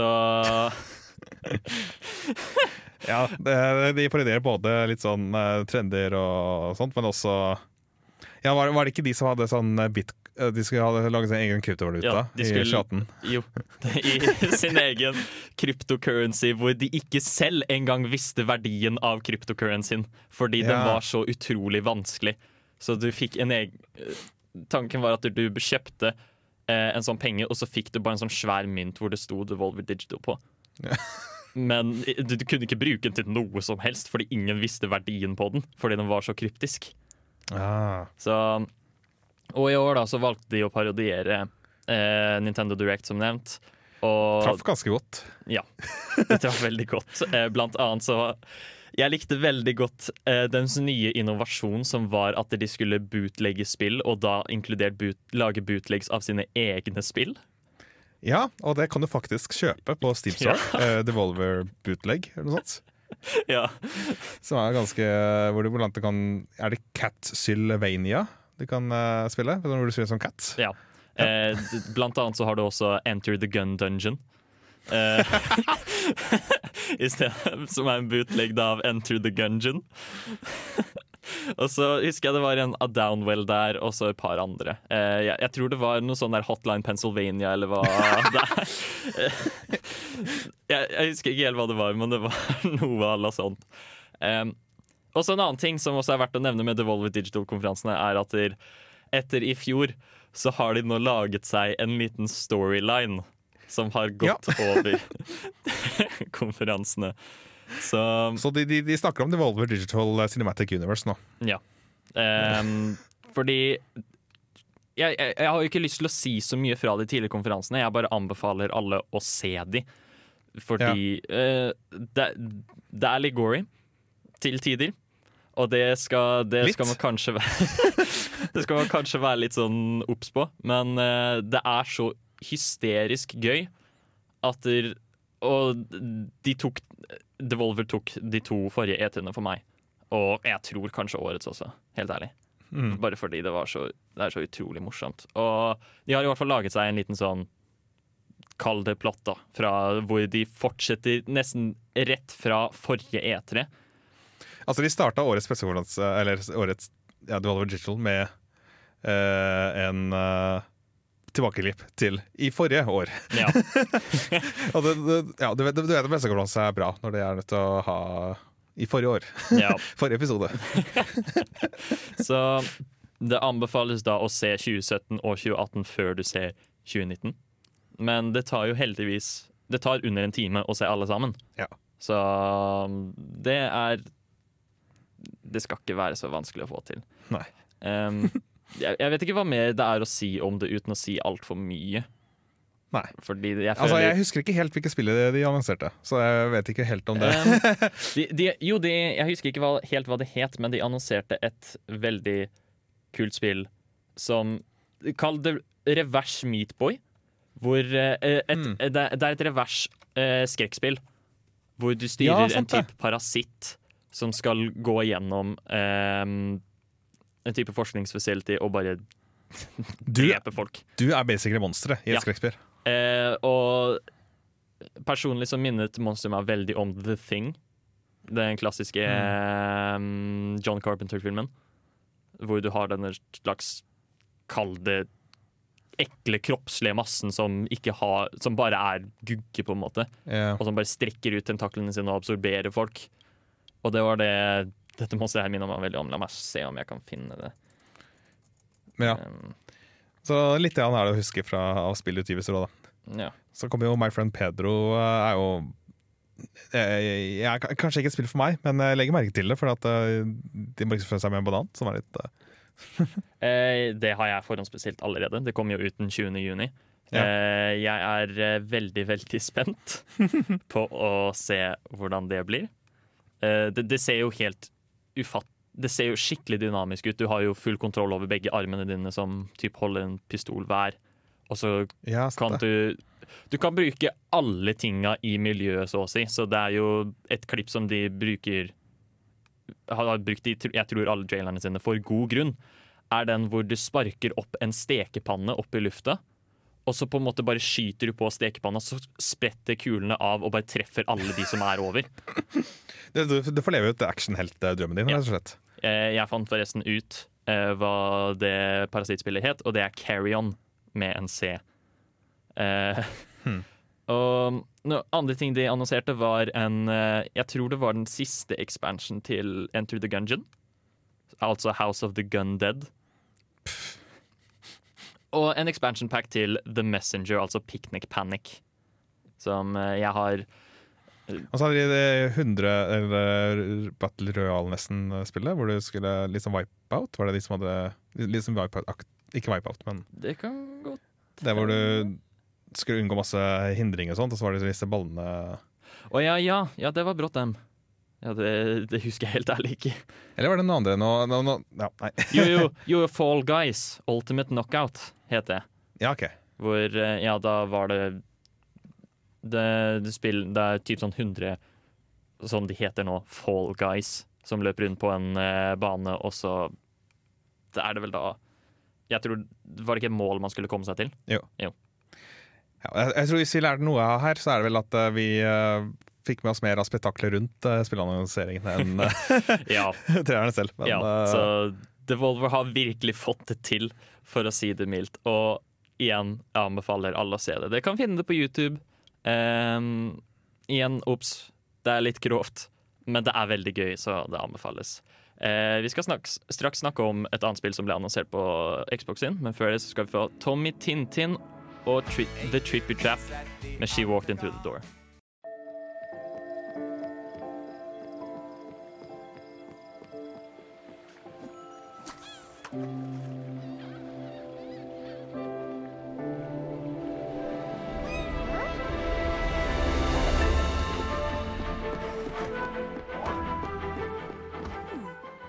Nydelig tone fra nok et indiespill som jeg har lyst til å snakke litt om. Mm.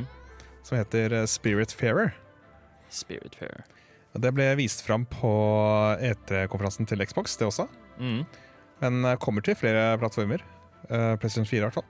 Ja, Og det det er et Det de vis, det du ser, er jo en ganske tegnestil.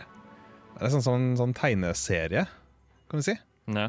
Sånn, eh, med håndtegna og Jeg, jeg et intervju, og de eh, er på en måte inspirert av uh, Studio Ghibli i stor grad. Ja, ja den ser Men, jeg. men også Animal Crossing til en viss grad, og uh, Stardew Valley. Ja. Så det som Spirit Fair er, er et spill som er jente, som er blitt uh, den nye som skal eh, ta spirits med seg eh, til uh, et, et afterlife. Å, OK, jeg, jeg skjønte ikke det. Det er så Jeg, jeg, jeg måtte lese det, det kommer først fram i beskrivelsen. Ja. uh, for YouTube-beskrivelsen på trærne er basically at det er et eh, cozy management game about dying. ja for Som er litt sånn OK, der, der, der, der tok det vending.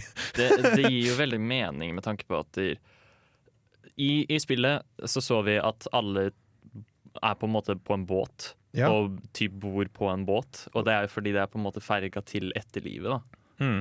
Så Og du må og på at det er en båt som du, du starter i små, og så bygger du på og oppgraderer og får et større og større skip. ja. Og, og så må du gjøre Du gjør på et oppdrag, hjelper disse spiritsene som du har fått med deg på skipet, å gjøre oppdrag og sånn. ja. Og ta vare på dem og sånn. Og så, men så, så må du til slutt uh, ta farvel. Ja, for det, de vektla det veldig, og jeg husker jeg og, jeg og Anna ble veldig opprystet i sofaen da vi så det at du, du må også kunne klare å live eh, Det å let go. Mm. Og det var, det var hardt. Nå som vi, vi hadde bygget et lite forhold med denne eh, rådyraktige skapningen. Ja, for det var et av de fine øyeblikkene. Er at uh, denne jenta gir en ordentlig koseklem med rå- rådyret. Eller hva det heter. Ja, og så blir du tvunget til å gi slipp på rådyret helt til slutten av traileren. Hvor det bare er sånn Nei, nå får du ikke lov lenger. Og det, det er et utrolig interessant konsept, men jeg, blir- jeg blir jo bare trist av å tenke på det. Ja, nei, det er jo et eh, Det, er, det med sånn management-sim og sånt betyr jo at du må samle litt ressurser og sånt. Det er litt der Animal Crossing Story Valley kommer inn. Ja. Og så- men så handler det også om å kunne gi slipp. Så de, de, de sikter veldig på sånn, den bittersøt, bittersweet eh, feeling på det. Ja. Som du også kjenner mye fra Studio Ghibli-type filmer. Ja. Og du er, en, du er vel enig med meg at det, det så helt fantastisk ut sånn rent visuelt. Ah, stilen var nydelig. Jeg, jeg er jo en søker for uh, litt sånn annerledes stiler Ja. når uh, det gjelder uh, videospill. Og det her skilte seg virkelig ut i stilen for meg. Jeg Ja. husker Vi fikk ikke med oss tittelen, men det var jo den første tingen jeg og Anna gjorde så fort traileren var over. på en måte Vi prøvde å finne ut hva det var. ja. Så fordi det, det skilte seg ut veldig. Ja. Det, er, altså, det, det var elskverdig fra første øyeblikk. Ja. Og det minner meg litt om, eh, hvis du har kjent med det, Warrior Land Shake Dimension. Ja, det Som også er sånn håndtegna Ja. animert. eh, Ja, den ser jeg veldig godt, faktisk. Men jeg føler da Warrior Land har veldig sånn tjukke streker og sånt, så har eh, er, det litt mer sånn japansk eh, anime-type Ikke japansk anime, men mer sånn Studio Ghibli. Hvis jeg tenker tilbake til gamle, gamle Disney-filmer. For jeg, jeg ligger litt nærme den type tegnestil Ja. enn en sånn veldig eh, stilisert. Ja. Litt, litt mer sånn akvarell-type. Ja. Jeg tenker det også er verdt å nevne at de, du hadde ikke bare dette De fokuserte på dette rådyret eller elg eller reinsdyr eller hva det var. Vi, vi, vi, kan ikke biologi, sorry, Nei. folkens.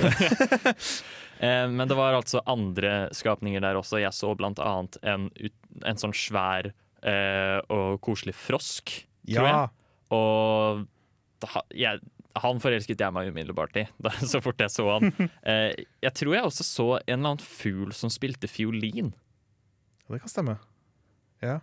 Um, så det er i hvert fall Du får en stor mengde med forskjellige vesener, da.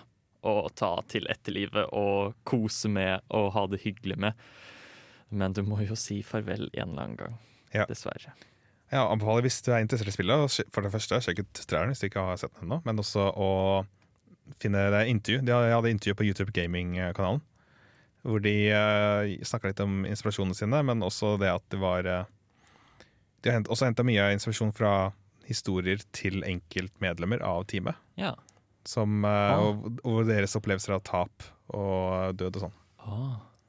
Så det, det er jo et virkelig annerledes eh, spill. Og på, på min topp tre så har jeg på tredjeplass er Way to the Woods, som vi snakka om tidligere, med rådyret og skogen. Ja. Eh, På andreplass er Spiritfarer, altså Eller jeg vet ikke om jeg er på førsteplass av Spiritfarer og Animal Crossing, Ja. men jeg er på de to. Ja, det, det forstår jeg veldig godt. Ehm, for de som er interessert i når dere kan få lov til å spille Spiritfarer, Ja. så har det ikke kommet en release date, men vi vet at det kommer ut en eller annen gang i 2020. Ja, De sa i intervjuet som jeg så, at de eh, regner seg sånn cirka halvveis ferdig. Ja. Så det er kanadiske ut, utviklere. Så. Ja. Så det, det er om ikke så veldig lenge. Det er om en liten stund, men ikke altfor lenge. Hmm. Så vi skal straks høre om kanskje høydepunktet for eh, Det var i hvert fall avsluttende noten på Nintendo Directen. Ja. Um, men før det så skal du få en liten låt. Her får du Tigerbukten med Under pressen.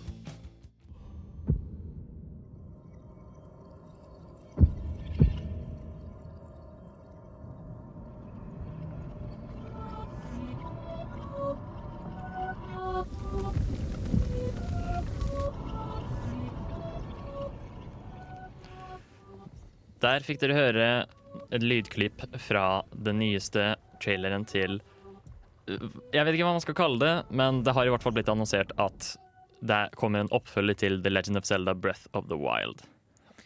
Ja. Og jeg har vært litt sånn fram og tilbake på denne traileren personlig. Ja, for Dette var det siste vi fikk se på Nintendo sin eh, Direct eh, før det gikk over til eh, Live Studio. Ja. Ehm, og vi, det vi får se i traileren, er at vi får se et lite klipp av uh, Det er et eller annet som kan nesten minnes litt om Gandorf. Um, Mm. Som er nede i en eller annen hule. og så ser du Selda og Link som prøver å gå inn til den. Og så ser du masse skyggeaktige ting som kryper litt rundt. Det er, det er ikke så mye å ta fra. Nei, men det, det, det virker jo som at det er faktisk en direkte oppfølger da, Ja. til The Legend of Zelda Breath of the Wild, som eh, kom for noen år siden. Mm. Og som på en måte plukker opp der det slapp, da, for du ser jo på en måte den samme Link og den samme Zelda Mm. med de blå draktene. Zelda med litt sånn, la, med sånn kortere hår, klipp. Ja. Så folk spekulerer om kanskje Zelda kan være spillbar. Ja, ja det, had, det, det var en av de tinga jeg likte veldig godt med traileren. At det, det ser ut til at Selda er veldig mye i action. Ja. Og liksom Selda gjorde jo Hun gjorde mye i forrige spill, men det var i bak kulissene, på en måte. Eller Mm. bak sceneteppet, mener jeg. Så Men kan vi snakke litt om det at, det er bare, at, at dette er en oppfølger? Ja. det, det skjer ikke så altfor ofte. Du har liksom det D-spillet Founder Hourglass, som er direkte oppfølger til uh, Wind Waker. Liksom. Ja, og så har du Majors Wind- Mask. og det har du Majora's Mask. Og jeg vil tro det er Majora's Mask veldig mange vil trekke paralleller til Ja. med spillet her. Og det, det er egentlig litt av Jeg var veldig sånn eh om traileren da jeg først så den, men jo mer jeg tenker på det, jo mer elsker jeg det konseptet at vi får på en måte Breath of the Wilds svar på Majora's Mask her. Ja. At vi får Breath of the Wild bare med en veldig mye mørkere tone og veldig annerledes fra det forrige spillet, ser det ut som. Ja, for det, bare av det lille vi, hø vi hørte her, så det jo, går det for mye mer creepy og Ja. Hva, hva skal jeg si? Det, det, det, jeg får litt sånn Majora's Mask-vibber Ja. av at det, liksom det, det, det er Zelda gone dark. Ja. Ja, det Og jeg, jeg person Mitt favoritt Zelda-spill er jo Majora's Mask, utenom Breath of the Wild. Hmm. Så jeg er veldig, veldig med på det her. Men jeg er fremdeles der hvor jeg er ikke så veldig fan av når uh, spillutviklere bare er sånn Hei, dette er i development. Ja, for vi fikk ikke noe tittel heller. Vi fikk bare en sånn Ja. tekstplakat med at uh, oppfølgeren til The Legend Zelda Breath of the Wild er nå under utvikling. Mm. Jeg, jeg syns de her Jeg syns det her var veldig mye bedre enn det det vanligvis er. Sånn som jeg Jeg ble jo utrolig oppgitt og sur, og jeg skjønte ikke hvorfor folk var så hype over eh, i fjor. Da Lo- Logoen til eh, Prime 4, var det det? Eh, Nei. Nei, jeg må, jeg må ærlig innrømme der at jeg var en av de dummingene som var veldig hype på det. Mm. Men det. Men det var mest fordi vi ikke visste at det kom. Men sånn som i fjorårets Bethesda, da de annonserte Elder Scroll 6 Ja, sant, det var det bare å se noen fjell som scroller det, over. det var bare et landskap, og så sto Ja. det Elder Scroll 6 er nå under utvikling. Og da tenkte jeg, jeg skjønner ikke helt hvorfor folk var så utrolig hype over det, for det var en ting vi visste kom. Altså, neste Mario er under utvikling, Ja. neste Zelda er under utvikling. Det er alltid et eller annet eh, i pipelinen på Nintendo. Prime 4 derimot var jo usikker på at den noensinne kom til å komme ut. Ja. Um, men uh, denne traileren her gjør det litt annerledes da ved at de faktisk viser noe. Mm. Og det, det setter jeg pris på, men de viste fremdeles samtidig ingenting. Men det er samtidig en trailer hvor det, sånn det kan Det skjer veldig mye, og det er vanskelig å gjøre mening ut av det. Ja. Jeg ser for meg en trailer som folk kommer til å analysere eh, i det, lang tid framover. Ja. Så det, det er veldig spennende å se. Jeg likte Breath of the Wild veldig godt. Så om Ja, de klarer å lage en bra oppfølger, så hadde det bare vært helt supert. Mm. Jeg, jeg håper jo kun det beste, og jeg gleder meg til å se mer. Men bare traileren her nå var litt sånn opp og ned for meg. Fordi jeg vil se mer før jeg bestemmer meg om at det skal være hype eller ikke. Jeg syns hype er en farlig ting. Det er det. Så Jeg kan jo også Vet du hva, jeg glemte helt hva jeg skulle si. Ja. Um... Hva var Det var uh... Nei, det er eh, spennende å se hva som blir ut av uh, Ja. nye Zeldaer. Ja, jeg tenker at vi kan gå videre. Eh, vi skal nå snart snakke om egentlig bare alle de småtinga som vi ikke har tatt for oss i høydepunktene. Mm. Uh, før det så skal du få en liten låt. Her får du The Modern Times med Am I Losing Touch. Jeg bommer alltid på timinga der. Ja. Um, det har jo altså skjedd jeg, jeg vet ikke om jeg skal si at det har skjedd mye på E3 i år, men det har jo skjedd en del utenom disse høydepunktene også. Eh, Eller, ja, det, ja, vi, det er kanskje greit å bare ta noen av de små tinga. Ja. Som uh, vi, vi har ikke lyst til å nevne alt som skjedde på E3. Nei. Men vi har er kanskje noen ting som vi har lyst til å nevne, men som ikke egner seg å ta, diskutere i stor skala. da. Ja. Uh, jeg tenker jeg kan starte med at det det absolutt uten tvil det beste delen av Bethesda-konferansen var som jeg nevnte at de viste Doom Eternal. Ja. Og de viste masse fint gameplay av det. Doom Eternal, er det nye, eh, nye Doom som er på til vanlige konsoller og sånt? Eller? Ja, det øh, Det er oppfølgeren til 2016s Doom, som var Ja. en reboot av hele Doom-serien. Uh, og dette skal komme ut på uh, alle konsollene, egentlig. Så Xbox, PlayStation, Switch og PC. Hey. Så Og jeg bare Jeg syntes det var veldig veldig gøy å se på. Det, er, det ser ut som at det har fanga veldig essensen av det første Doom-spillet. um, pluss litt ekstra. Så det, det er som om de har skrudd det spillet opp tre hakk, med at du har både en dash og en grappling hook. OK. Så Ja, for alt, Doom har alltid vært litt sånn om bevegelighet og sånt. har jeg Ja. inntrykk av. det kontra til, an, no, til forskjell fra andre skytespill, hvor det gjerne er at du gjemmer deg bak cover, og så går du opp og skyter. Ja. Jeg er veldig glad i Wolfenstein, men det er veldig mye av det der også. Eh, så handler Doom at du bare alltid må løpe rundt og bevege deg. Ja. Du må alltid være i bevegelse, hvis ikke så dreper fiendene. Så Da må du opp i ansiktene på fienden. Og, Ja. Og jeg, bare, jeg finner det så utrolig tilfredsstillende. Mm. Og derfor snakker du veldig til meg. Så det, det, det var egentlig det du hadde sett fram til da, i Bethesda. Ja. Det, og det var jo egentlig det eneste kule de viste. Mm. Utenom Det var et spill som het Deathloop, men jeg kan ikke si så mye på det. Fordi de viste jo ingenting, men det er fra skaperne av Dishonored. Og det handler om at to stykk er stuck i en timeloop. Annet enn det vet jeg ikke. Og en del timeloops. Eh, Ja, apropos timeloops, så har du t- 12 minutes. 12 minutes, ja. Det er eh, ganske interessant. Ikke noe for meg, så jeg har ikke trukket det fram selv. Men eh, Det ble s- beskrevet som en interaktiv thriller som handler om en mann som sitter fast i, i en timeloop. ja. Og da er det jo sta- Det vi fikk se, var på at ovenfra og ned, slags Sims-perspektiv nær- nærmest. Ja. På at han konfronterer eh, det jeg antar er kona hans, da. Med at eh, Hvor han helt tydelig har opplevd dette scenarioet før. Ja. Så det kan jo bli en interessant i historieopplevelse. Ja.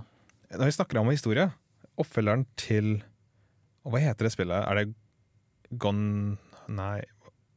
Det er det et spill hvor du skal gå gjennom masse video-footage. Og ja, eh, eh, oppfølgeren til Her Story.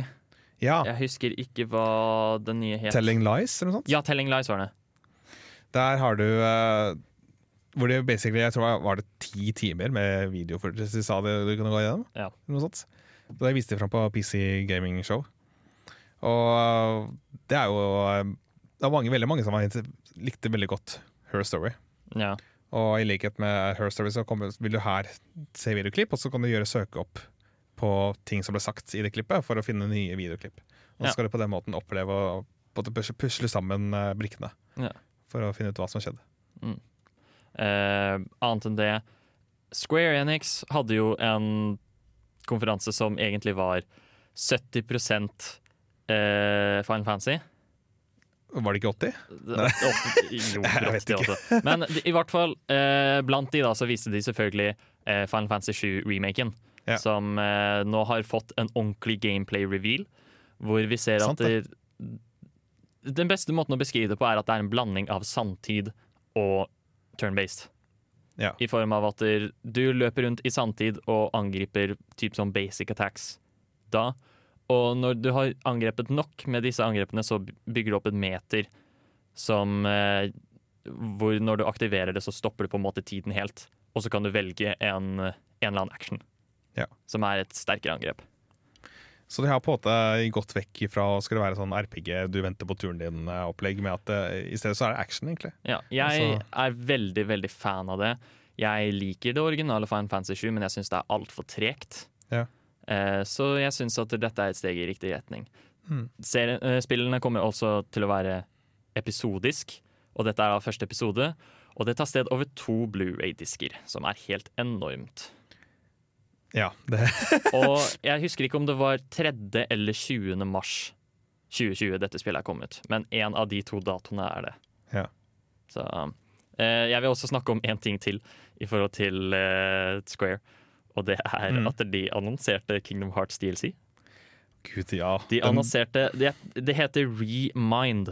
Selvfølgelig heter det Ja. Det, er- det er da altså re kolon mind, som du skal si som remind, remind tror jeg. Eh, Ja.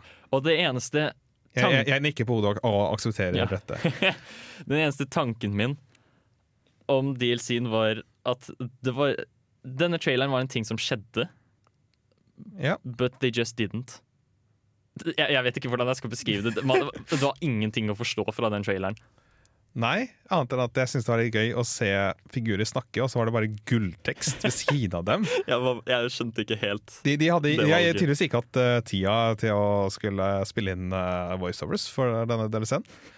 Så de bare tekst, det som de sa, sto i gulltekst ved siden av, mens du så munnen på å bevege seg.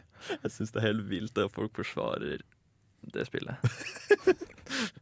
Ja, for du, du, du har bare gitt opp Kingdom Hearts nå? Ja, ah, jo, herregud. Det Nei, um, det var noe jeg aldri fikk snakka sånn i dybden om, men Kingdom Hearts 3 er ikke så veldig bra, skal sies. Og jeg er det verste er at jeg forestiller meg at jeg brått kommer til å kjøpe denne DLC-en uansett.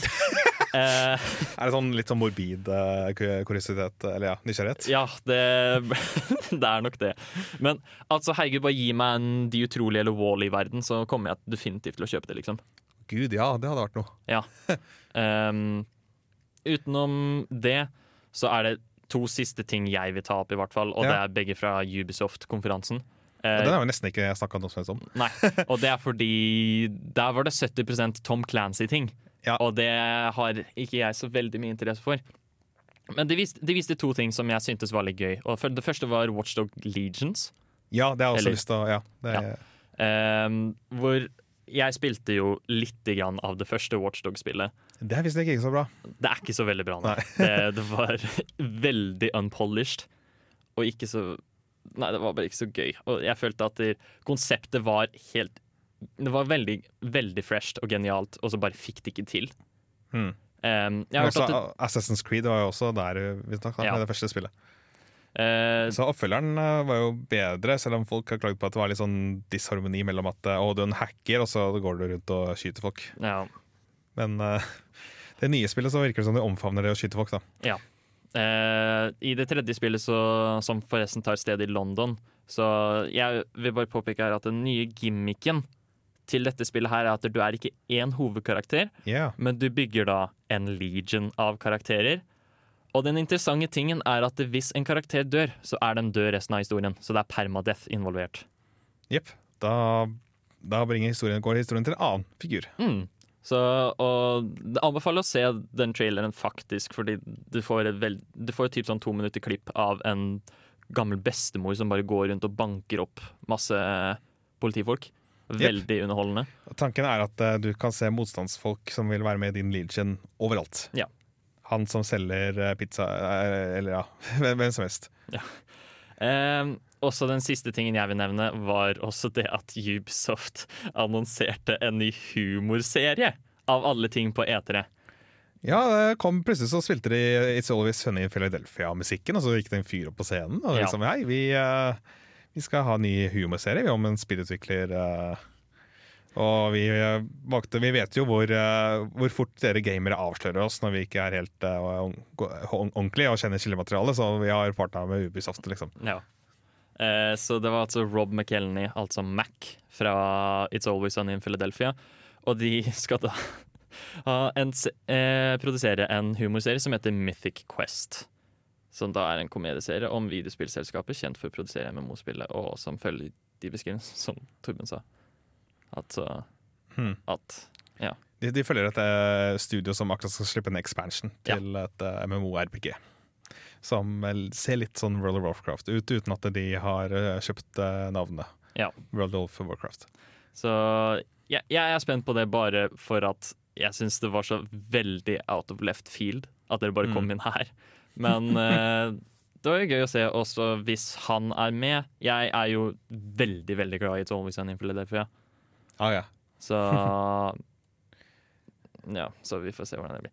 Jeg kom på en siste ting som jeg vil nevne. Ja. Og det er at der, um, Shenmue 3 har blitt en Mm. Epic Games Store exclusive. Som jeg syns er oh. veldig uh, Ja, det er ikke så Det er litt sånn på kanten, syns jeg. For uh, særlig også Det, det var en kickstarter for uh, Shenmue 3. Folk har ønsket seg dette spillet her helt utrolig lenge. Og de, de lot deg kickstarte slik at du kunne få det på P eh, PC, altså Steam, Hmm. Xbox eller PlayStation. Og da lurer jeg på, skal de gå tilbake på det løftet? Fordi det står nå at det, det skal tydeligvis være en Epic Games exclusive.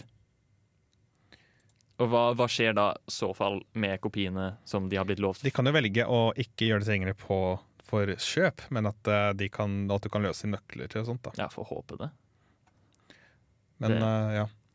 Noen av de tingene, Et par ting eh, du ikke har nevnt som jeg har lyst til å ta opp. Ja. Som jeg synes var kult. Det ene er uh, Kommer jeg på nå, egentlig bare, så jeg husker ikke helt navnet. Men det er det nye spillet til Ninja Fury.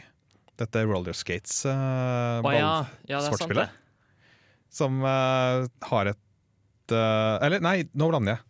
Roller Champions er det du tenker på, tror jeg. Er det, ja, for nå blander jeg det med et annet, eller?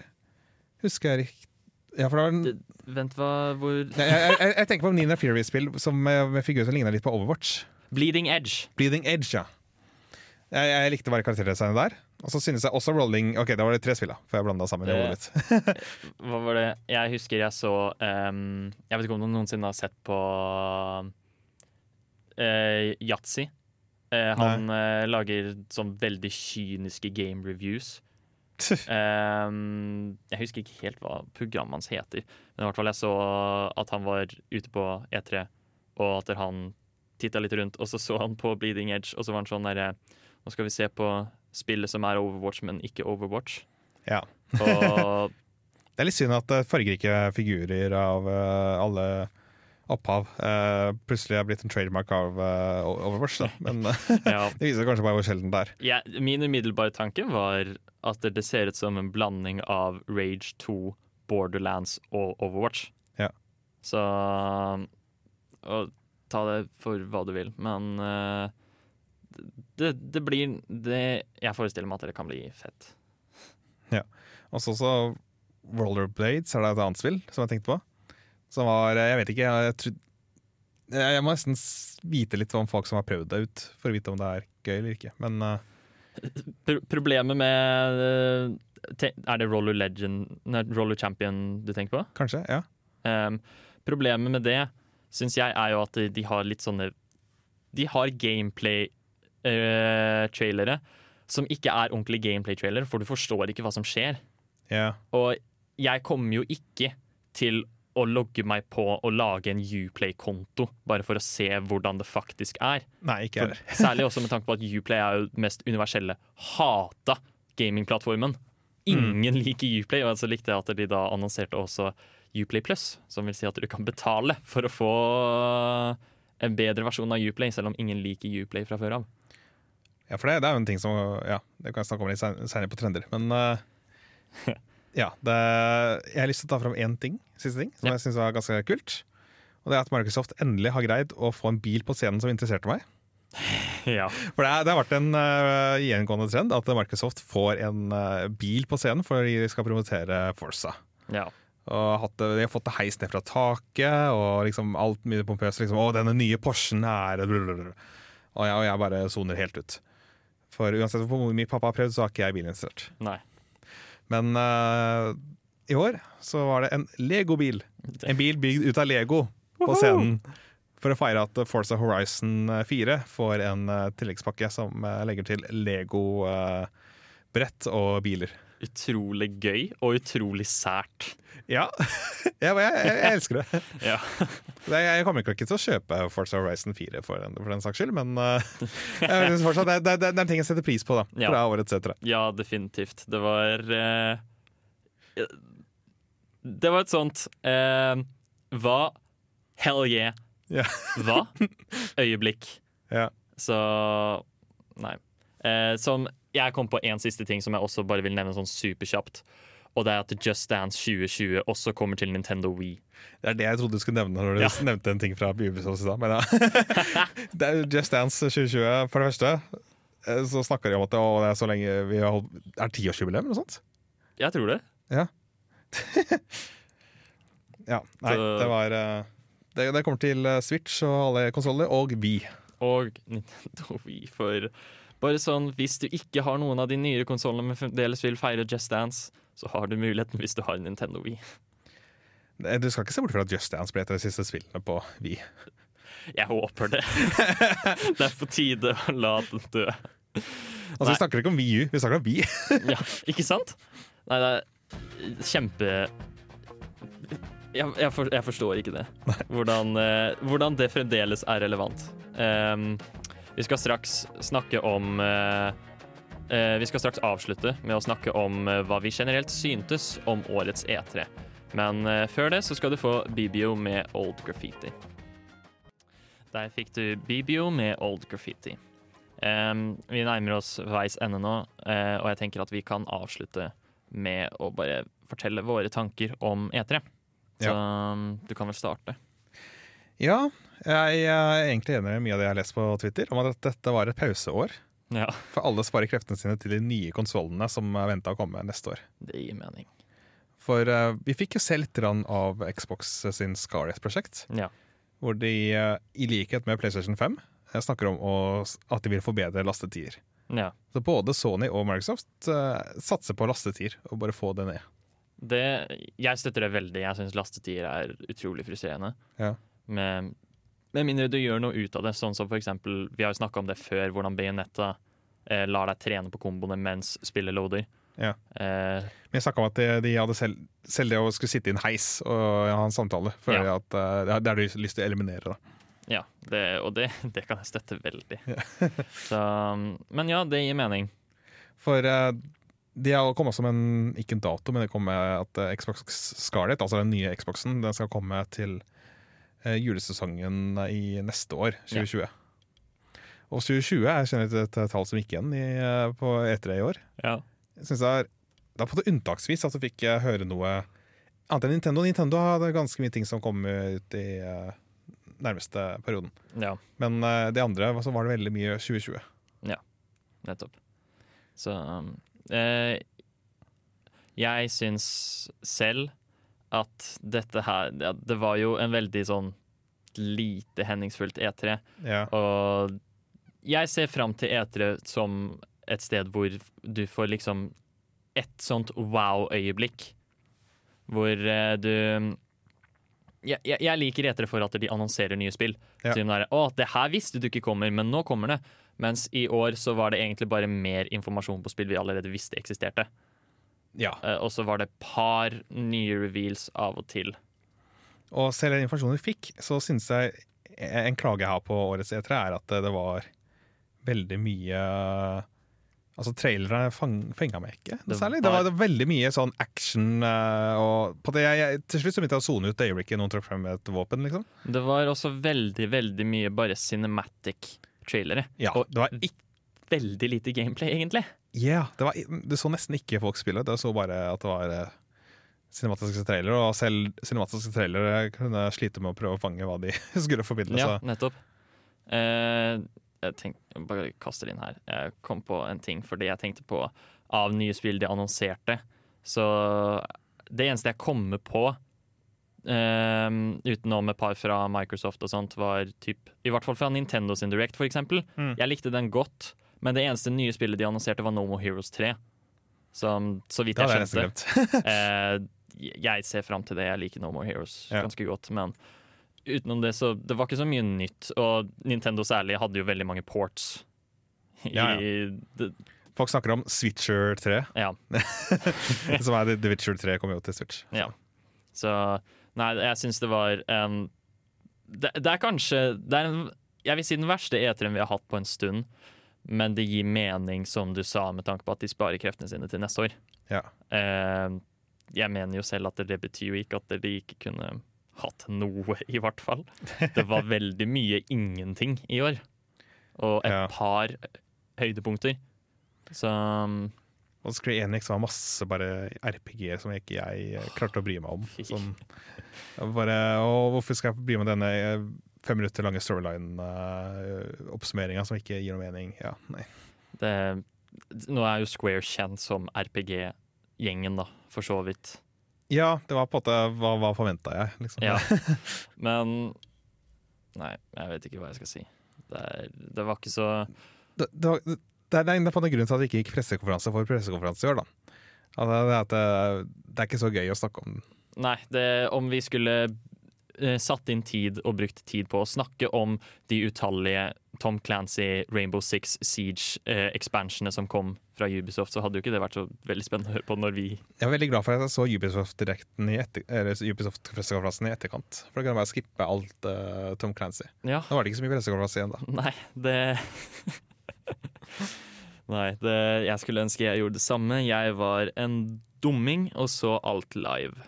Ja. Fordi jeg, jeg, jeg har jo alltid et lite sånn håp hvor jeg er sånn Å, men kanskje annonserer de noe kult. Veldig ofte så annonserer de ikke noe kult. Nei. Så, Da, da, da, da blir det jo fort at du blir litt mer skuffa òg, når, du- når du sitter oppe klokka halv tre på natta og ser på på fest. da. Så jeg har i hvert fall jeg, jeg burde ha lært fra fjoråret, men jeg har definitivt lært fra i år Ja. at neste år så skal jeg kun se Microsoft, Sony og Nintendo. Og ingen annet. Alt, skal jeg se. An, alt annet skal jeg se i etterkant, i så fall. Ja. Så um, jeg vet ikke. Jeg håper vi får se Sony neste år. Det, det regner jeg med, enten at de har noe i forkant av E3 hvor de går øh, all Setter inn uh, største de har på å markedsføre PlayStation 3. Det vil jeg, 5. det, det vil jeg tro. Um, bare for å kaste inn De tweet... Det var uh, skaperne av God of War. De tweeta noen par sånne development tweets hvor de snakka litt om Mm. utviklingen av God of War, og hvor fornøyde de var med at folk tok det så godt imot. Eh, og folk har begynt å spekulere nå at det var lite hint, fordi for liksom den første bokstaven i hver tweet eh, staver 'Ragnarok is coming'. Så, og der tenker jeg det, det er veldig sånn grasping for straws, men det er samtidig Jeg føler ikke det kan være en tilfeldighet. Nei, det er det overhodet ikke. Nei, ikke. sant? Så jeg, jeg vil tro at Sony har et par store ting på lager. Og det er jo spennende å se, så de kommer nok neste år. Yeah. Utenom det, har du noen siste tanker om årets etere? Gjesp. Godt oppsummert. Jeg er veldig enig i det. Men Um, vi har, det som er kult, føler jeg vi har fått snakke om i dag. da. Ja. Og selv om vi sier at det var ikke så mye som skjedde, så har vi jo faen meg greid å holde på i flere timer likevel. Vi fikk banjo i Smash. Så jeg, jeg, sånn sett så er jeg fornøyd. um, nei, da er det vel egentlig bare å si ha det bra, da. Ja. Uh, dere får ikke høre mer fra Nerdeprat før semesterstart, men vi skal komme Sånn tilbake august, ja. Vi skal komme tilbake da veldig sterk. Sterke og friske og ja. Så vi snakkes da. Her får du 'Singing Swords' med Mario.